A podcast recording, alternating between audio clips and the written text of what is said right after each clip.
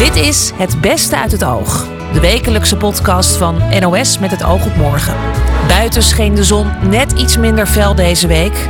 Binnen zit Herman van der Zand.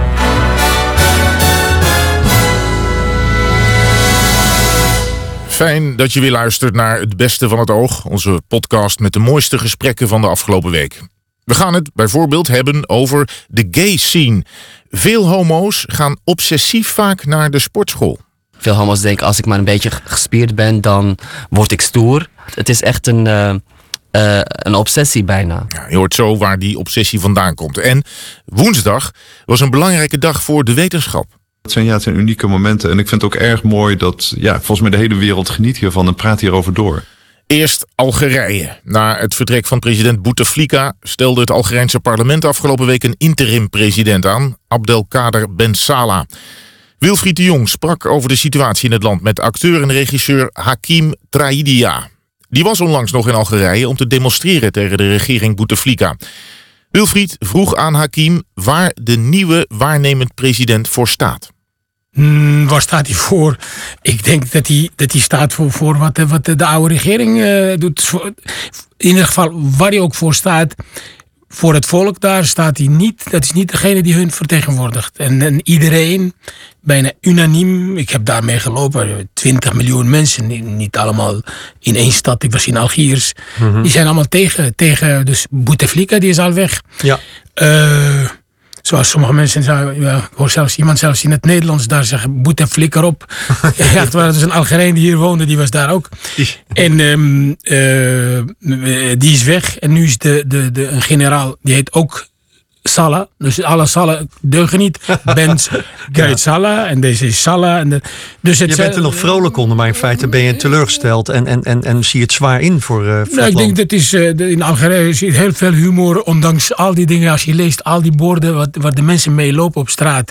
Het zijn allemaal... Uh, zelf het woord vrijdag. We gaan, vrijdag is een werkwoord geworden. Wij vrijdagen. Dus omdat iedereen loopt op vrijdag, je vendredi. Ja. Dus ja. ja. Maar vandaag waren er ook weer veel demonstranten op de in, benen. Uh, ja. Z wat, wat is nou de grote frustratie? De grote frustratie is eigenlijk, de mensen zijn um, zo teleurgesteld van de corruptie. In de, eigenlijk vanaf 62, eigenlijk Algerije is onafhankelijk geworden, 62. Er kwam een, een, een, partij, de enige partij, de FLN. En die heeft de, het hele land dus echt uh, uh, nou, ge, ge, geplunderd. Nou, tot, tot aan de jaren 90, toen kwam de vies. Mm. Dat, dat zijn fundamentalisten. Die, die zijn ook even erg, maar dat zijn, dat, die zijn ook gemaakt door deze regering. Door Ja. die regering. En daarna is een bloedbad van 200.000 mensen die zijn vermoord. Intellectuelen, schrijvers, journalisten. Ieder, niemand was, eh, was eh, veilig. En daarna dacht men, ja, nu kan Bouteflika, deze president, Ja. die was overigens minister van, de, van, van 62 tot, tot Boumediene doodging. En die heeft het land helemaal dus echt uh, nou, een corrupte... Ja. Uh, uh, Maar waarom slaagt, slaagt het land, als er ook zoveel demonstraties en demonstranten zijn, er niet in om dit te keren? Hè? Zoals we de lentes hier en daar gezien hebben in, in nou, maar dat diverse zijn, ze, landen. dat, dat zijn ze. Ik denk, ik denk dat, het gaat, dat het gaat lukken. Want die mensen die daar zitten, die, die zullen niet snel... eh, die hebben veel belangen, die hebben veel te verliezen. Die zullen niet makkelijk zeggen, ja oké, we hebben fout gemaakt. Oké, neem dit. En, dat doen ze niet. Dus er zitten heel, en er zitten heel veel mensen die betrokken zijn. Dus uh, militairen, ministers. Nou, nou, en, en om al die, eerlijk gezegd, ik weet, ik weet niet of het gaat lukken zo snel. Dat die mensen zullen zeggen, nou oké, okay, wij verlaten de boot en dan nemen, nemen jullie het maar over. Mm -hmm. Dat weet ik niet. Dus de alternatief nu weet ik niet. Dus er zijn, zijn er mensen van de civiele kant, die, die zijn er wel, maar die hebben zich niet echt gemeld. Sommige mensen noemen Bouchouchi, dat is een advocaat, een hele goede advocaat, die, die mm -hmm bijna iedereen min of meer is eigenlijk al heeft een graantje gepikt met, dus met iedereen een, eigenlijk die steeds weer naar boven wordt geduwd ja, is eigenlijk corrupt. a priori weer verdacht of corrupt. Verdacht, ja, ja als, als dat door, de, door, dit, uh, door deze regering is a priori ja. eigenlijk. Maar dan zou er toch iemand op moeten komen die een schoon blazoen heeft waar het volk in gelooft. En die, die, die, die kan toch onmiddellijk doorstoten? Die wordt toch onmiddellijk president, dan zou je ja, zeggen? iedereen zit te wachten op zo'n messia. Ja. Die een beetje, ja, die Ja. kan. Uh, ik, ik, er zijn een paar. die, die, die, eh, maar die zijn, ja, eentje bijvoorbeeld net als die ene uh, die heeft gezegd, nou, ik weet niet of ik het wil doen. Ik wil wel mensen belangen vertegenwoordigen als advocaat, als, maar Ja. echt om, om president te zijn, het is te grote er is ook nog een advocaat, een vrouwelijke eh, advocaat, advocaat. advocaat, die, een advocaat. die, die- ja, is ook een vrouwelijke advocaat. ja, bedoel ik. Ja. Hè? Die, die, die zou het eventueel ook wel willen. Die zou het ook kunnen, ik denk het wel. En eh, ik ben haar naam vergeten. Dus eh, had ik vandaag een blackout. En, Ja, ik weet hem ook niet. ja, ja, ik ook niet. Nee. Maakt niet uit. Nee. Dat is de enige in ieder geval. Ja. Dus die, die, die, zou het, die zou het wel kunnen. En, ehm, maar er zijn een paar anderen die eigenlijk niet zichzelf naar voren hebben. eh, ehm, ja, ehm, die hebben wel gesproken, maar niet als vertegenwoordigers Mhm. Om, om president te worden. En, en krijgen die, die mensen die eventueel president zouden willen, worden, zoals deze twee advocaten, krijgen die wel de mogelijkheden om in de media zich te tonen? En ja, ja, ja, dat ja, wel. Ja, ja. Die, de, als je eh, Facebook opent en dat is nu echt het medium. Ja. Of eh, eh, Messenger of zo. Dat, wij zitten allemaal in de groepjes. Ja. Praten we met elkaar en dan zie je heel veel video's over hem. En dat is de meeste schoon, schone persoon, zeg maar. Die niet Ja. echt van... eh, ja, die heeft altijd tegen... Maar er zijn... Vandaag was er ook een vrouw, Zazie noemen ze. Die is ook fantastisch. Dus die zou maar als president niet, maar wel misschien als minister of als... eh, Dus die moeten eigenlijk nu de komende drie maanden zich sterk maken. ja, ja. Politiek gezien Ja. en in de media. En kijken of ze Ja. dan een kans maken Ja. over drie En maanden. Het, het- weet je wat, er was nu, eh, was een, de minister van Cultuur, bijvoorbeeld een paar dagen geleden of een week geleden was hij eh, afgezet of heeft, is afgetreden. kwam een vrouw en iedereen ging haar dus echt, be- ja, alles ja, eh, foto's van haar dat ze eh, in nightclubs en dat ze helemaal niet eh, als minister kan functioneren. En ik begrijp soms niet, denk ik, ja, iedereen die door deze regering wordt, wordt gezet, is bijvoorbeeld meteen door het volk, wordt hij niet... Meteen verdacht. Ja, maar of je echt mensen gaat vinden die nooit, waar, je, waar niemand, niemand van heeft gehoord, dat weet ik niet. Dus iedereen is min of meer. Dus eigenlijk, ik denk dat het op een gegeven moment uiteindelijk een compromis wordt gesloten.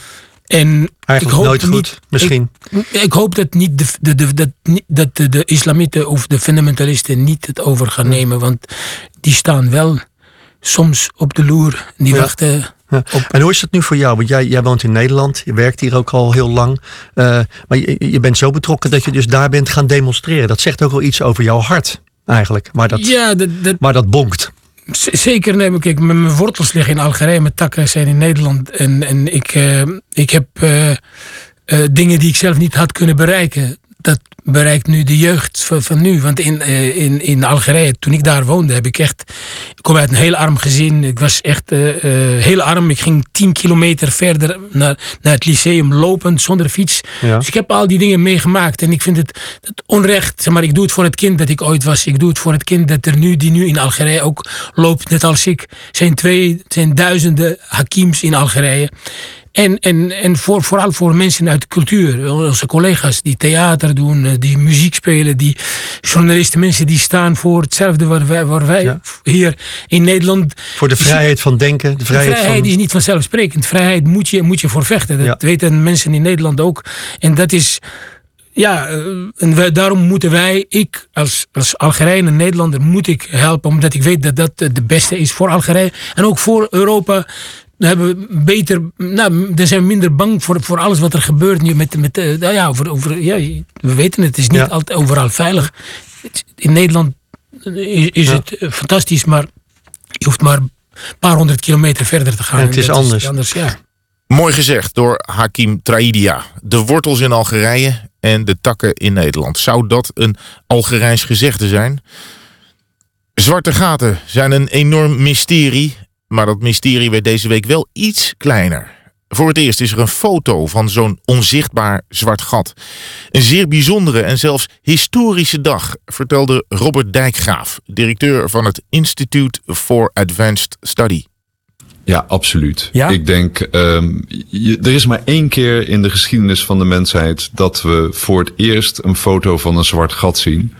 En dat was vandaag. En er was ook even in de perszaal een, een, een moment van stilte en daarna een open doekje. Dat, dat zie je niet zo gauw in Brussel. Uh, maar ik denk ook volkomen terecht. En um, ja, ik vind het heel erg bijzonder dat wij gewoon dit soort ja, topmomenten meemaken. En we zijn eigenlijk wel verwend de afgelopen jaren met zwaartekrachtsgolven, het Higgsdeeltje. Ja. En uh, ik vind het zo bijzonder dat eigenlijk dit soort gebeurtenissen, die in dit geval letterlijk heel ver van ons afstaan, dat die ons allemaal raken. En het, dat ja. is toch iets in onze verwondering, verbeelding, wat, uh, wat, wat, wat aangeslagen raakt van zo'n ja. zo'n afbeelding is die nog zo klein. Zit u dan echt met kippenvel op uw armen? Ja, want ik heb natuurlijk uh, ook zelf uh, tientallen jaren van mijn leven besteed aan het nadenken over zwarte gaten. Ik zie altijd simulaties, computerafbeeldingen. Maar het is dat je eigenlijk voor het eerst een levende lijven ziet. Het is alsof je voor het eerst een, een draak ziet of zoiets. Waarvan ja. je een, een, een, mythisch figuur. Ja. En, uh, en dat, dan, dat raakt. Ik denk van dat zijn, uh, dat zijn, ja, het zijn unieke momenten. En ik vind het ook erg mooi dat, ja, volgens mij de hele wereld geniet hiervan en praat hierover door. Ja. Anna Watts zit hier ook nog steeds in de studio. Uh, dit is voor u als astrofysica natuurlijk een veel leuk onderwerp dan de Brexit. Hè? Hoe heeft u, hoe heeft u deze middag beleefd? Ja, wat een, wat een verschil met Brexit. Met Brexit heb je isolatie en onduidelijkheid. En nu kun je zien wat, zijn, ja, wat die geweldig... Britse, die Britse politiek is ook één groot zwart gat, hè? Ja, maar de zwarte gat, 55 biljoen dit jaar weg, dat is duidelijker. En wat, wat prestaties zijn te halen met internationale samenwerking. Maar ik was benieuwd hoe u het hebt beleefd. Oh, het was echt een spannend moment. We waren heel trots in ons instituut. Uh, professor Sarah Markov, een van mijn collega's, zij stond op het podium in Washington D.C. om de resultaten te laten zien. En we waren super trots op haar. We hadden een groot, groot evenement bij het instituut om het te vieren. Ja, en voor het fotograferen van een zwart gat was eigenlijk een telescoop nodig, zo groot als de hele aarde. Hè? Dat is natuurlijk onmogelijk. En dan zijn er toch wetenschappers die uh, een oplossing daarvoor bedenken. Hoe hebben ze dit aangepakt? Nou, het is een, een combinatie. Je hebt dus fantastische telescopen. Acht telescopen over het hele wereld. Noord-Amerika, Zuid-Amerika, Hawaii, Mexico, Chile. Uh, ook in Spanje, in de Zuidpool ook. Fantastisch ook computertechnologie om alle data te combineren. De supercomputers zijn ook heel belangrijk. Maar het is eigenlijk geen foto die we zien. Hè? Het is nee, een soort combinatie. En dan het is modellen en combineren van dit, van dit, om dit beeld te maken. Ja. En nu zit er heel veel natuurkunde daarin. Ja, meneer Dijkgraaf, met wat voor historisch moment kunnen we dit vergelijken, wat we vandaag hebben meegemaakt? Nou, ik vind het een beetje, het is mooi getimed. Want dit, de, deze bekendmaking is ongeveer 100 jaar geleden. Uh, precies 100 jaar geleden was de, de eerste waarneming van het afbuiging van licht uh, door de zon in dat geval. Dat was tijdens een, een, een, zonsverduistering. En dat lanceerde eigenlijk Einstein zijn theorie, maakte hem ook wereldberoemd. Dat was in, in de, de waarneming was in mei 1919. En ik, ja, ik vind het wel een vergelijkbaar moment. En er zit een mooie kosmische coïncidentie in dat dat precies 100 jaar later gebeurt. Een kosmische coïncidentie. Ja, en ik vind ook wel, ik denk dat het ook echt wel een begin is. Want kijk, uh, zwarte gaten zijn prachtige objecten, maar we hebben nog heel veel vragen over hoe ze eigenlijk kunnen bestaan. Uh, we wijden ja. heel veel vermogen om proberen die, die oplossing te vinden. En het is eigenlijk een soort huiswerk. En vandaag hebben we gezien dat er een oplossing voor het huiswerk is. Want de natuur heeft een manier gevonden om die zwarte gaten te laten bestaan. Dus nu moeten wij nog achterkomen hoe de natuur dat precies doet. Wat maakt deze foto u nou duidelijk? Nou, het allerbelangrijkste is denk ik gewoon dat zwarte gaten bestaan. Um, Einstein zelf bijvoorbeeld had er grote twijfels bij of zoiets idioots zou kunnen bestaan. Want in zekere zin is het ook het einde van zijn eigen theorie. Hè. Binnen in zo'n zwart gat breekt Einstein zijn eigen relativiteitstheorie kapot.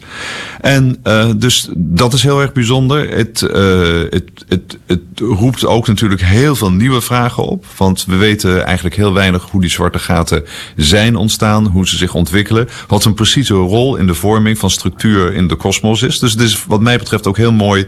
Het is de eerste bladzijde van een heel lang boek wat we nog gaan lezen. En dat maakt het denk ik ook extra bijzonder. Ja, want als u dat toch zou moeten doen, hè, wat, wat is een zwart gat dan precies? Hoe zou u dat uitleggen? Ja, het is letterlijk een gat in de ruimte. Als je materie dicht genoeg op elkaar uh, stuwt, dan trekt het zich eigenlijk samen tot een punt. En het trekt een, een eindeloze diepe put in de ruimte. Uh, het is in zekere zin het meest simpele object wat je kan voorstellen. Ja. Uh, maar tegelijkertijd is het ook het meest complexe object. Want je probeert eigenlijk alle informatie die er is uh, ja, samen te vatten tot de kleinste compacte ruimte. zijn begin, ja, zwarte gaten zijn heel groot. Maar stel je voor dat we van de aarde een zwart gat zouden maken. -huh. Dan zou het zo groot zijn als een knikker. Oh, ja. Dus het is ook in zekere zin de meest compacte manier om ja. materie op elkaar te duwen. En het feit dat we die enerzijds het meest simpele en anderzijds het meest ingewikkelde is, dat maakt het voor ons juist zo spannend als wetenschappers. Hoe verenigen die twee gezichtspunten? Ja, en zit daar echt helemaal niks? Nou, dat is de grote vraag. Maar uh, ja, ik denk dat daar niets zit. Um, dat is natuurlijk het raadselachtige. Dat ja. dat kan gebeuren. Ja. Het is, uh, ik grap wel eens van het niets is misschien wel de grootste vraag in de wetenschap. En ik denk wel eens van ja, ik begrijp uh, politici dat wij het niets willen bestuderen. Maar het is inderdaad de, dit echt letterlijk het, het zwarte vlekje waar we nu naar kijken, wat ons allemaal zo fascineert. Hè? Het, is de, het is de diepe afgrond waarin we staren. En dat, dat roept een soort bijna een, een oerangst op, maar ook een fascinatie. Ja, maar het is ook heel apocalyptisch. Hè? Het idee dat wij, dat wij daar allemaal een keer in verdwijnen ook. Nou ja, het is goed om te realiseren wat een enorm monster we vandaag gezien hebben. Het is een van de allergrootste zwarte gaten die we in onze deel van het universum kennen.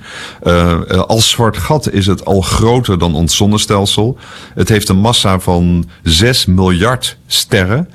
Uh, het is echt een soort Tyrannosaurus rex uh, onder, onder de hemellichamen. Ja. En uh, ik vind het ook wel heel mooi dat we dus ook in één keer gewoon de grootste boef van het universum op de foto hebben staan. Ah ja. En is het ook zo dat de tijd daar stilstaat in zo'n zwart gat?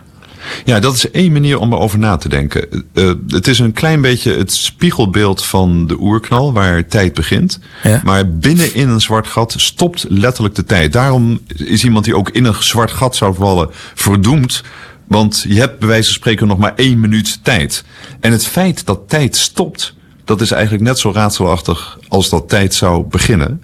En die twee punten, de zwarte gaten en de oerknal, ik zou zeggen dat zijn een soort rafelrandjes van de moderne theoretische fysica, van de, van de moderne wetenschap. En ja, als, als onderzoekers duiken we daarop, want dat is natuurlijk precies het meest spannende. Daar is nog iets nieuws te bedenken, daar moeten nieuwe ideeën komen. En dit motiveert ons gewoon heel erg sterk ja. om die ideeën te gaan vinden. Ja. Anna Watts gaan we vaker van dit soort foto's zien, denk Ja, natuurlijk. Ja? En er blijven mm. zoveel vragen over. Zwarte gaten trekken materie aan, maar ze zorgen ook voor grote uitstromingen, 5000 lichtjaar weg in dit sterrenstelsel. En de geboortepunt van die uitstromingen, dat is vlakbij de zwarte gat. Dus fantastische theoretische werk te komen. Ik heb zelden twee mensen zo enthousiast over ja. een zwart gat horen praten. Anna Watts en Robert Dijkgraaf, dank jullie wel. Deze week was het vijf jaar geleden dat pater Frans van der Lucht werd vermoord voor zijn Jezuïetenklooster in Syrië. In het oog van zaterdag spraken we met twee mannen die de Nederlandse pater hebben gekend. De secretaris van de Jezuïeten in Nederland had in die laatste dagen nog contact met pater Frans. Het was zo, het was vier dagen voor zijn dood, op de, op de vrijdag. Uh, en hij is op maandag vermoord. En ik had bezoek van een Syrische Jezuïet, Ziad Hilal. Die was in Brussel om ook te lobbyen. En om uh, fondsen te werven voor uh, de problemen die er waren. En natuurlijk spraken we over Frans. En hij zei, maar we kunnen hem bellen. En ik zag hem zijn telefoon uit zijn zak halen. En hij begon met 3-3. Het was dus een Frans nummer. En toen had ik Frans aan de lijn. En ik zeg, uh, enfin, na twee, drie woorden... zei Frans, maak je niet bezorgd. Het is binnen een week afgelopen. En dat was ook zo. Binnen een week later kwam de VN, het bezette Homs binnen... en haalde de mensen eruit. Ik zeg, Frans, kom dan toch naar ons toe. Dan kun je weer wat bij eten en je kunt wat uh, aansterken. Je kunt je familie zien. Hij zegt nee, uh, eerst naar Damascus om mijn visum te verlengen. Anders laten ze me er niet meer in. En als ik mijn visum heb gekregen, dan kom ik graag naar jullie toe om mijn broers en mijn zussen te bezoeken. Ja. Een, een man met een enorm opgewekt karakter positief ingesteld? Positief ingesteld. Zelfs na drie jaar oorlog? Ja, ja, ja ongelooflijk. Er zijn toen van die filmpjes gemaakt, uh, waarschijnlijk ook onder drang van de rebellen waarbij ze hem wilden dwingen om te vragen om voedsel. Dat lukte. Ze wilden ook dat hij zich zou uitspreken tegen Assad. Dat heeft hij altijd geweigerd. En op de allerlaatste foto zien ze zijn ingevallen wangen. En dat is niet alleen van de honger, maar dat is ook omdat ze de tanden uit zijn mond geslagen hebben. Omdat ze hem wilden dwingen zich uit te spreken tegen het regime. Maar uh, zoals Frans Timmermans zei bij de herdenking uh, één jaar na dato. Frans koos ervoor om niet te kiezen. Want hij was er altijd geweest, ook op die wandeltochten. Dat waren niet alleen christenen, daar waren ook moslims en druzen. Ja. En uh, van, die met elkaar in gesprek waren. Ja. Daar gaan we het zo zeker over hebben. Onze correspondent in die tijd, Sander van Hoorn, correspondent in het Midden-Oosten, maakte een reportage met Pater Frans. Ga een stukje luisteren. Het is minder dan twee maanden voor zijn dood. Als ik dit huis verlaat, dan blijft er niks meer over van dit huis. Uh, dat is voor mij een belangrijk punt. Een ander belangrijk punt is dat hier nog steeds christenen zijn. Er zijn nog, nu nog, denk ik, 28 christenen. En die wil ik niet in de steek laten. In de kerk zitten tien mensen. Tijdens de dienst komt er nog een elfte binnenlopen. Maar ik ben er voor alle Syriërs, benadrukt van de lucht. Uh, als alle christenen weggaan, blijf ik hier toch. Want ik ben hier voor Syrië, ik ben hier voor alle Syriërs. Ik sta in dienst van alle Syriërs en van Syrië, het land waarvan ik houd. Nog geen twee maanden later was Frans van der Lucht dood. Hoe reageerde u op het nieuws? Nou, ik heb wel gevloekt. Ik weet nog waar ik zat toen ik het hoorde. En toen ben ik uh, eerst gaan bellen met uh, Beirut om het te bevestigen. Toen heb ik de familie proberen te bereiken. En uh, ja, we waren natuurlijk erg verslagen. Van de andere kant waren we er ook op voorbereid.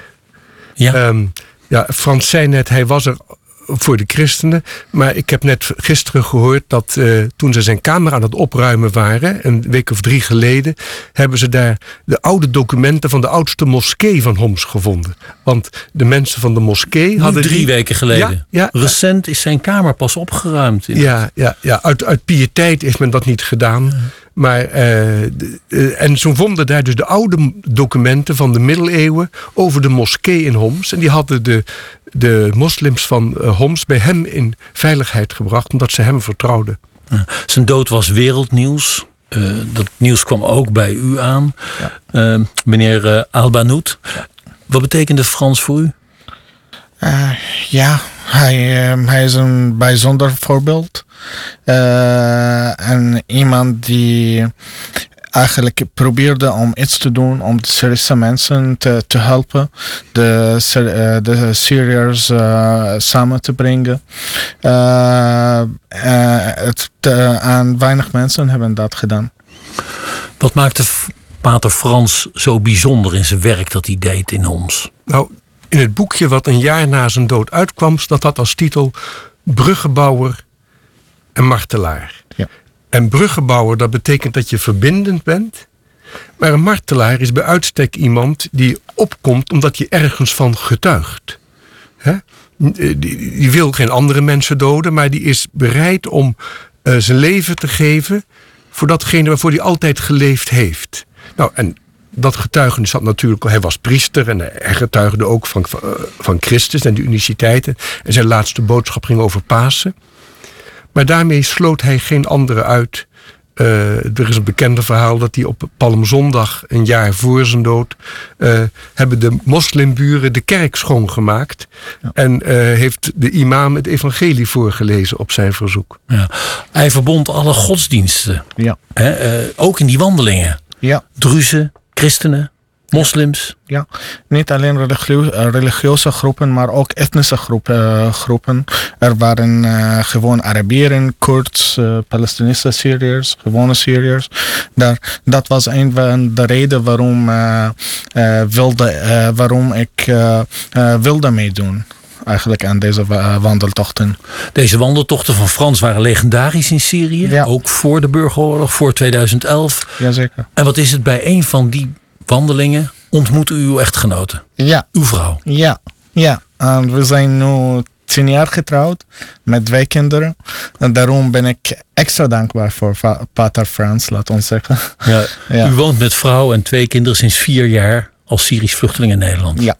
ja Ehm, er zijn berichten de laatste weken. Ik weet niet of dat geruchten zijn, berichten, hoe die berichten en geruchten uit Rome hier komen. Maar van een zaligverklaring van Frans van der Lucht. Ja, ik heb het proberen te verifiëren, maar ik heb het niet kunnen krijgen. Ik heb, vandaag heeft een Frans persbureau het als affirmatief heeft het bevestigd. Maar ehm, ja, je mag niet op één bron afgaan, geloof ik, als goede journalist. Dus eh, ik kan het niet bevestigen. Maar ik, het is het maar het begin van een proces van zaligverklaring. En eerlijk gezegd denk ik dat we het, eh, het openen is altijd goed. Want dan krijg je de getuigenissen van de mensen die hem gekend hebben. We gaan er zeker niet al te hard mee lopen. Om, Syrië is nog steeds in oorlog. En als je dat doet, dan zou je de zaken opnieuw kunnen polariseren. Vandaar ook dat er van al die mensen die op dit moment in Pakistan omgebracht worden, ehm, lopen die processen ook niet. Want dat maakt de tegenstellingen alleen maar feller. En dat zou niet in zijn, de geest van Frans zijn om de tegenstellingen aan te scherpen. Maar uh, zelfs de paus heeft het woord martelaar gebruikt. En dat betekent dat je de korte procedure kunt volgen en niet de lange. Dus wat dat betreft denk ik wel dat er uh, iets in gang gezet is. Maar ik moet er ook aan toevoegen, ja, die ene Nederlander, die kon kiezen om te blijven. Maar, Frans. Frans. Maar die honderdduizenden mensen die gestorven zijn of van huis en haard verdreven, die hadden niks te kiezen. Um, en uh, die zijn er misschien nog wel meer slachtoffer. Ja. Nou, mag ik u beiden zeer bedanken. Deze nagedachtenis aan Frans van der Lucht. Dank u wel, meneer Stuit en meneer Albanout. Mieke sprak met oud-Kamerlid Tofik Dibi en filmmaker Willem Timmers. Die onderzoeken in hun documentaire Acting Straight hoe de gay scene tegen mannelijkheid aankijkt. We beginnen met een fragment uit die film. Ik heb vaak genoeg van andere homo's gehoord van... oh ja, maar jij bent een nicht. Je bent geen homo, je bent een nicht. En dan zit ik echt van goor woord, first of all. Maar gewoon, waarom, waarom zou ik een nicht zijn en jij wel een homo? Ben je pas echt een homo als je nog steeds mannelijk bent? Ja, uh, Willem, is het zo belangrijk om een mannelijke homo te zijn? Nou, er heersen wel bepaalde idealen in de homogemeenschap, waarbij mannelijkheid toch wel heel vaak wordt gezien als zeg maar hoger in een soort van hiërarchie dan vrouwelijkheid of vrouwelijke trekjes. Ja.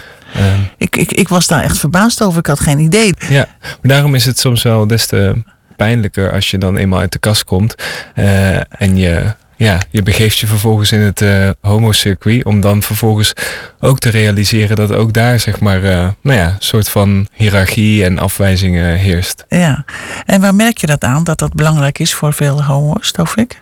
Um, toen ik uit de kast kwam, dat was ongeveer drie, drie jaar geleden, toen uh, ging ik ook op de apps. en dan zat, nou ja, om de havenklap zie je gewoon, uh, mensen, nou, iedereen geeft daar zijn voorkeur aan. En je, ik zag heel vaak mask for mask of mask only. Mask staat dan voor masculine, masculin. Ja. Uh, of no femmes. En dat, dat is by far de, de meest genoemde voorkeur. Um, en daarbij uh, merkt je ook gewoon heel vaak in gesprekjes met andere homo's dat um, ja, er zijn homo's die vinden dat de vrouwelijke homo's een slechte naam geven omdat ze te overdreven zijn. Um, verwijfd. Ja, en, ja. en daardoor eruit gepikt worden. Dat zijn vaak ook homo's die dan zelf zoveel mogelijk op hetero's willen lijken, omdat ze dan denken dat ze veilig zijn en geaccepteerd zijn. Dus het komt wel ergens vandaan. Ja. Maar ja, het, is, het, is, het is de nummer één voorkeur. Absoluut. En het is natuurlijk um, ja, Willem, ja. wel pijnlijk als je. Um, nou ja, in die apps, daar is het gewoon veel directer van wat er uh, wordt verlangd of wat, wat, er wordt gezocht eigenlijk. En dan merk je dus dat dat mannelijkheid dat een soort van handelswaar is geworden. En als je daar niet aan voldoet, ja, dan, dat is best wel schadelijk. En uh, we hebben heel veel hierover gesproken met andere mensen. Uh -huh. En we merken dat het eigenlijk bij iedereen wel een, een heel belangrijk onderwerp en een heel gevoelig onderwerp is. Maar er is nog zo weinig over gemaakt. Ja. En dat was echt de reden waarom dat we. En is het dan ook vrij duidelijk omschreven? Is iedereen of fem dan, hè? Of, of feminien, of, of mask? niet iedereen is toch in, in een van die beide categorieën in te delen, of wel? Nee, absoluut. Maar je kunt er wel dus op heel veel manieren ervoor zorgen dat je bijvoorbeeld mannelijker wordt. Door bijvoorbeeld bepaalde trekjes aan te leren of af te leren. Wat dan um, bijvoorbeeld? Um, nou ja, bijvoorbeeld hoe je loopt, hoe je mm -hmm. dingen oppakt, hoe je, hoe je je stem gebruikt. Maar ook uh, bijvoorbeeld. Uh, Hebben jullie daarom allebei een baardje? Nou, misschien wel, ja. ja. Maar ik heb wel meer chance na mijn baard, dat is wel echt opvallend. Maar, ja, echt waar? Maar de sportschool is ook een goed voorbeeld. Ja. Dat, is, dat is soort van de makkelijkste weg naar mannelijkheid. Omdat veel homo's denken, als ik maar een beetje gespierd ben, dan word ik stoer. Ehm, en je hebt ook heel veel van die gespierde homo's die dan, als je dan ziet, blijkt dat ze toch nog bepaalde trekjes hebben. Dat, dat is dan weer heel tegenstrijdig. Maar het, het is echt een, eh, eh, een obsessie bijna. Ja. Ja.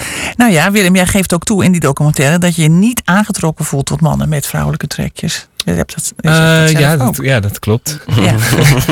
en, en, en, en Tovik, jij zegt dat ik ging op een gegeven moment. Je hebt dan nu een baantje laten staan. Dat Ja. scheelt dan al iets. Ja, Want je was dan niet te- daarom hoor, overigens. maar Nee, nee, nee. Vast niet.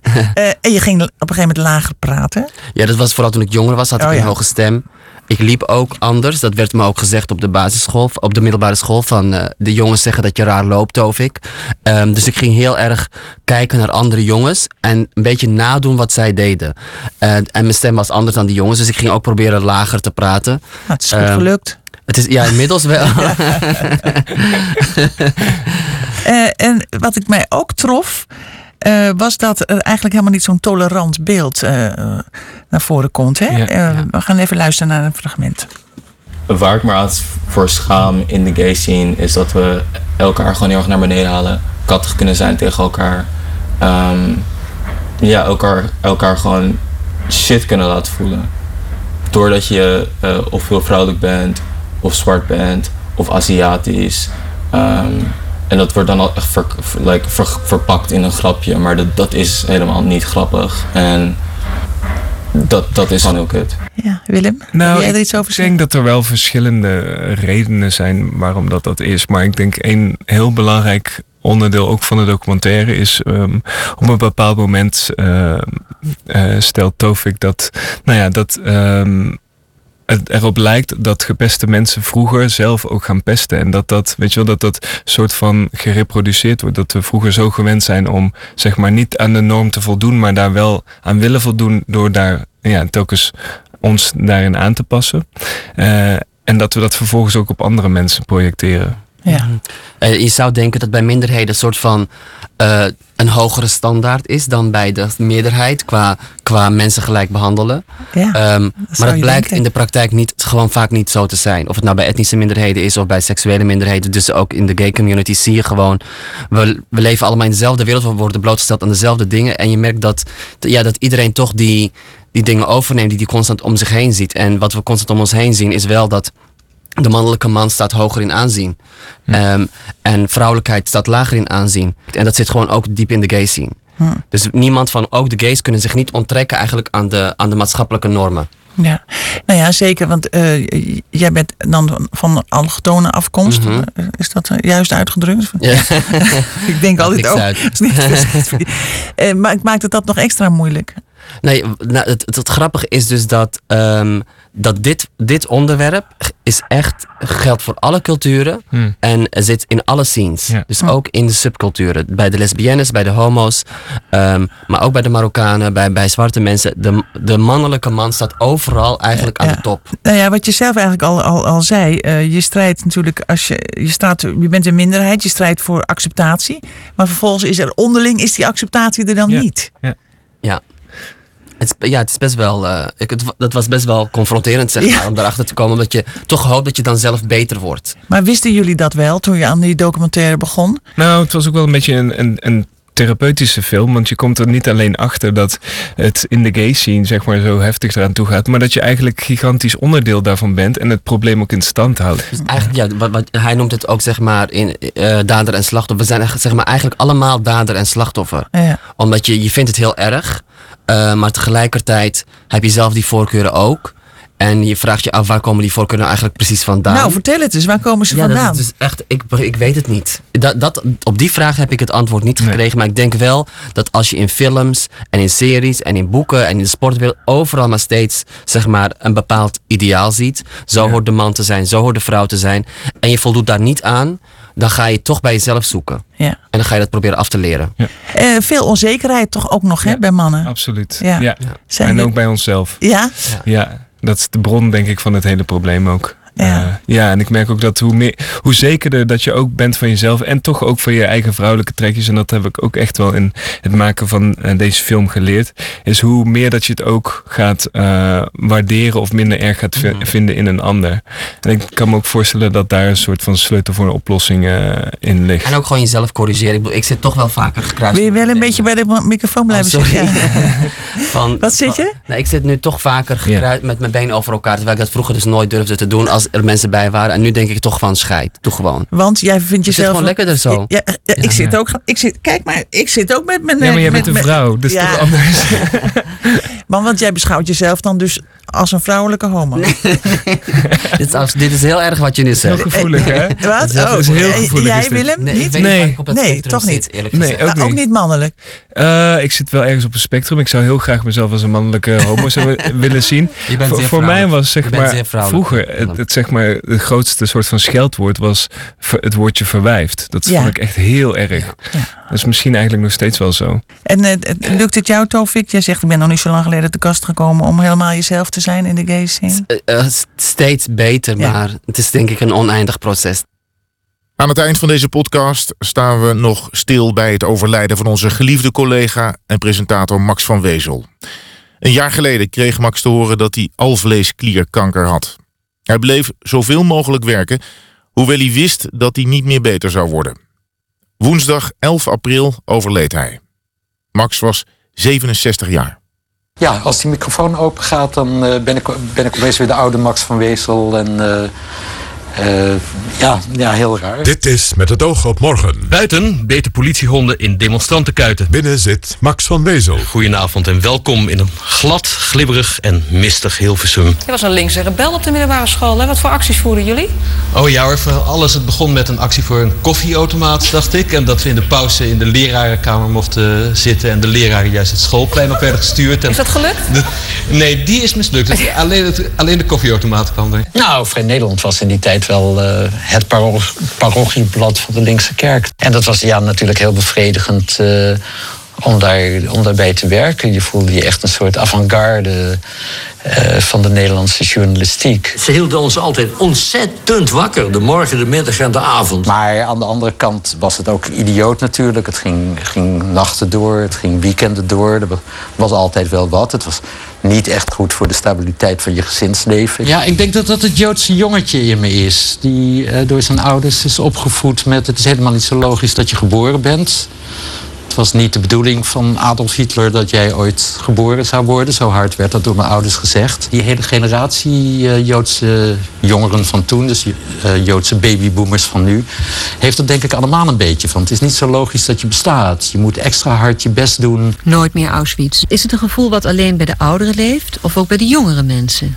Nou, zo'n jongere, tussen aanhalingstekens, is Max van Wezel. Ja, bij- bijna 40 al hoor. Als je ziet wat het aanricht, niet eens bij jezelf, maar, maar bij de generatie van je ouders, dan, dan is dat voor mij wel een reden om te zeggen, eh, dat moet je blijven herdenken. Ja. Ik geloofde toen en nu ontzettend in democratisering en eh, zoveel mogelijk gelijke kansen en gelijke rechten voor iedereen. Dat vind ik nog steeds een heel inspirerend ideaal.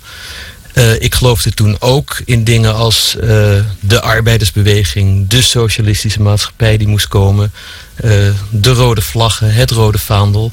Ik denk dat dat nu zwaar achterhaald is. Over naar Den Haag. En daar liep, eh, daar liep Max van Wezel. Had vaak zo'n rare, merkwaardige jas aan. En dan in, die- in het rechterzakje die grote doos sigaren. Zo, daar, is- daar is die. Max, jij loopt al nou, minimaal 150 jaar rond op het Binnenhof. Ja, jij hebt nog ja, in het begin van je carrière in open vliegtuigen gevlogen met een helm op en een grote bril. En in een Zeppelin. Ja, in een Zeppelin. Ja, je hebt echt alles. Maar je bent echt een pionier natuurlijk. Hij is, dat wou ik toch ook nog even zeggen, ja, de laatste van de Mohikanen. Hè? Het waren verwarrende dagen in Den Haag deze week. Nijpels blies zeer hoog van de toren. Eigenlijk gedraagt Lubbers zich als een soort eh, onderkoning van Nederland. Een ongekroonde onderkoning van Nederland. Ik vind dat de PvdA in elk geval moet proberen meer zelfbewustzijn te ontwikkelen. Mag Geert Wilders zijn film daar tonen, ja of nee? We staan voor de vrijheid van het woord en dat geldt ook voor Geert Wilders. Het lijkt me enig om er een heel groot eh, festival tot diep in de nacht omheen te organiseren met Egyptische films, met buikdanseressen. En eh, ik kan me daar een ontzettend leuke avond bij voorstellen. Willeke Alberti vertegenwoordigde Nederland vanavond in Dublin op het Eurovisie Festival. Willeke, Nederland houdt van je. En zo is het maar net. Het is het idee van een televisieprogramma waar echt 100, 200 miljoen mensen tegelijk naar kijken. Eén één keer per jaar is er dan toch zo'n moment van verbroedering. Ja, ik heb dat. Op dit moment zal Neil Diamond net klaar zijn met zijn tweede concert. Afgelopen donderdag was ik er zelf bij. Samen met RTL-collega Frits Wester. En Frits, geniet je nog na? Jij en ik zeiden tegen elkaar, hij kan het nog steeds. Opeens ging de telefoon, Mark Rutte. Ja, ik sta hier op een borrel en ik hoor net van Leon uit dat je geopereerd bent. En, eh, eh, en sindsdien is hij blijven bellen, zelfs vanaf vakantie in Manhattan. Van ik wandel hier door Manhattan, maar ik wil toch even weten hoe het met je gaat. Wat lief, ja, het is ook lief. En eh, ja, ik, ik- nee, nee, ik zoek daar geen, Helemaal- geen nee. politieke spelletjes of politieke opzet achter. Ik vind dat gewoon heel lief van die man. En dan die prachtige stem bij de radio-interviews, waardoor die interviews een soort rust krijgen. En een diepgang die je bij weinig op de radio hoort. Ja, ik heb eh, jaren bij, bij het Radio 1 Journaal, bij Argos, bij Met het Oog op Morgen op, op de stoel gezeten waar jij nu zit als interviewer. En ja, dat was wel een van mijn lievelingsplekken in de wereld altijd. Is het nog steeds. Het is zo raar om opeens het niets te verdwijnen. Eind maart sprak Chris Keijnen nog uitgebreid met Max van Wezel over zijn radiocarrière die bijna 40 jaar heeft geduurd. Dat gesprek kunt u beluisteren via de bekende podcastkanalen en via de site van de NOS. Dit was het beste van het oog van deze week. Dank voor het luisteren. Graag tot volgende week.